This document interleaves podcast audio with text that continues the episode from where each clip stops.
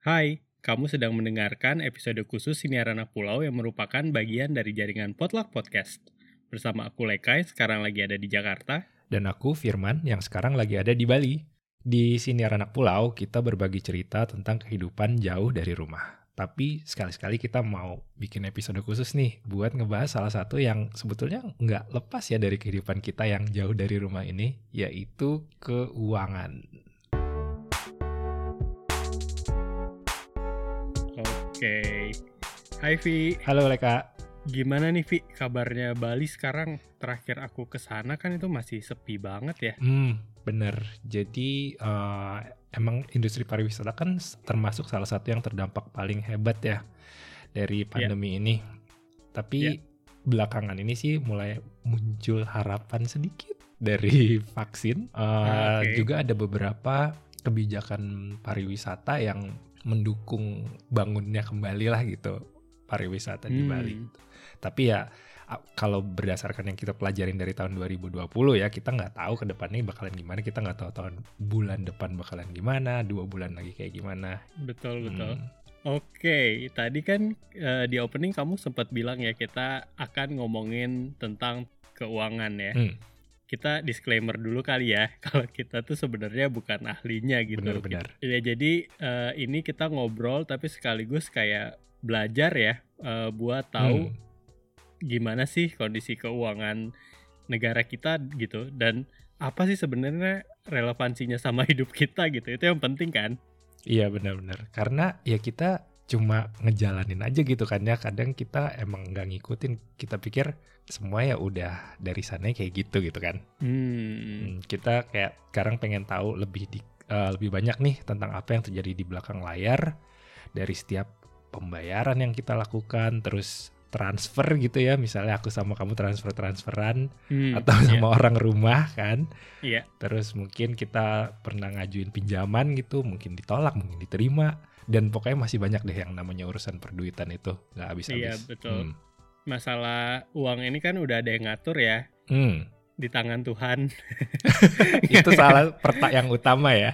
Iya itu salah satu yang utama. Eh, Tapi kalau dalam skala negara gitu pemerintahan Hmm. gitu itu pastinya udah ada yang ngatur dong. Iya betul. Dan yang ngatur ya adalah pastinya bank sentral. Jadi ya ayolah kita baca-baca dikit tentang kebijakan gitu ya yang menjaga ketahanan dan stabilitas keuangan kita. Oke, ini aku agak nervous sebenarnya kayak ini Hmm. terdengar berat dan terdengar eh, jauh gitu ya sama kehidupanku. Hmm. Tapi mungkin harapanku ini pada akhir obrolan ini kita jadi jadi bisa ngerti kalau sebenarnya kebijakan-kebijakan tadi yang diambil oleh Bank Sentral, eh, Bank Indonesia itu sebenarnya ngaruh banget sama hidupku gitu. Hmm. So that that's itu harapanku ya, itu tujuanku. ya we'll ayolah kita bahas bareng-bareng Leka. Oke. Kalau bicara tentang bank sentral, kita Hmm. em, bicara pastinya tentang kebijakan Leka. Iya. Waktu kita bikin podcast ini kita sempat baca-baca sih dari artikel dan website di uh, Bank Indonesia. Ya. Dan kita ketemu nih banyak istilah yang sebetulnya kita nggak ngerti-ngerti banget ya. Hmm. Tapi ada satu hal yang mau kita bahas di sini, uh, salah satu kebijakan yaitu kebijakan uh, makroprudensial. wow. Hmm.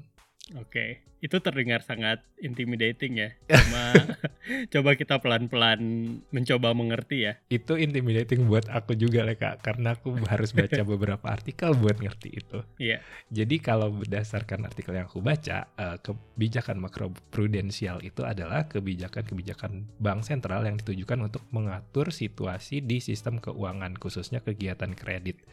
Jadi ya intinya kebijakan gitu untuk eh, memastikan bahwa pemberian kredit itu ada aturannya nih orang nggak sembarangan bisa ngambil kredit atau pihak peminjam nggak sembarangan bisa mengeluarkan kredit. Hmm, Hmm. oke. Berarti contohnya nih kalau misalnya eh, aku tiba-tiba pengen buka usaha gitu ya. Asik, ikut Asik. dong. Amin aja dulu. nah, kalau misalnya aku pengen buka usaha, Hmm. berarti kebijakan ini akan sangat berpengaruh dong ya sama peminjaman dan lain-lain gitu. Betul betul. Jadi em, masalah kamu akan mudah atau sulit mendapat pinjaman ini sangat dipengaruhi sama kebijakan makroprudensial ini. Hmm, Hmm. oke. Karena ya balik lagi tadi sebagai bank sentral salah satu fungsi Bank Indonesia adalah menjaga stabilitas sistem keuangan ya. Salah satu uh, caranya melalui kebijakan. Nah, kita kan tadi juga sempat ngobrolin masalah akses ya sedikit ya. Hmm. Dan ini yang aku rasa erat banget sama kaitannya dengan kita yang sekarang merantau gitu. Gimana tuh? Kamu inget gak sih beberapa tahun yang lalu, Vi? Kalau misalnya aku ya zaman dulu kuliah nih ya. Mm-mm. Jadi kalau misalnya nunggu kiriman nih, kiriman uang bulanan sama kiriman eh, uang kuliah gitu, ya, itu Aduh. kayak harus nunggu mamaku ke bank dulu gitu, Vi. Atau misalnya kalau aku butuh hari Sabtu, ya Hmm. nggak bisa dapat uangnya gitu, karena banknya lagi tutup, mamaku harus nunggu Senin Oh dulu iya gitu. benar-benar. Beda kan kalau sekarang gitu semuanya tinggal klik gitu di tangan kita udah bisa uangnya nyampe. Aku sampai lupa loh Leka kalau dulu Sabtu sama Minggu itu kita agak kesusahan untuk urusan uang. Iya kan? Jadi Iya iya iya. takut banget kalau ada apa-apa kejadian eh, di Sabtu Minggu ya waktu dulu Hmm, eh, hmm. awal-awal merantau gitu. Oke. Akses ini kan berarti berkaitan lagi sama digitalisasi ya. Tadi kita ngomongin Hmm. semuanya itu ada di genggaman tangan. Berarti semuanya itu ada di telepon seluler kita. Nah, Sekarang ya. Iya sekarang berarti Hmm. ini berhubungan dong sama digitalisasi ya. Iya. Oke. Dan balik lagi ke makroprudensial tadi. Oke oke. Nah, let's step back a little Oke. ya. Jadi Hmm. em, aku cuma mau make sure kalau aku ngerti nih. Jadi Hmm. hubungan makroprudensial sama digitalisasi itu gimana, Vi?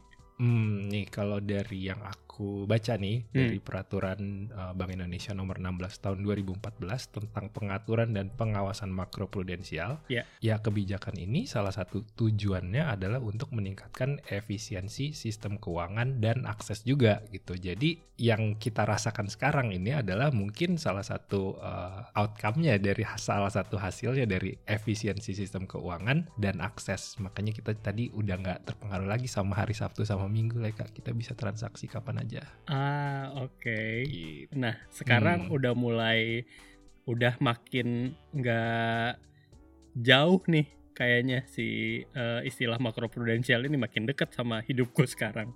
Karena Oke. eh, tadi kebijakan eh, makroprudensial ini jadinya eh, berkaitan sama digitalisasi dan di- digitalisasi ini berkaitan sama kehidupan kita sehari-hari gitu. It's basically sesuatu yang kita lakukan mungkin tiap hari, tiap minggu gitu. Hmm, Oke. benar. Eh, aku jadi inget contoh lain nih, Vi, eh, Hmm. tentang eh, digital payment system ya.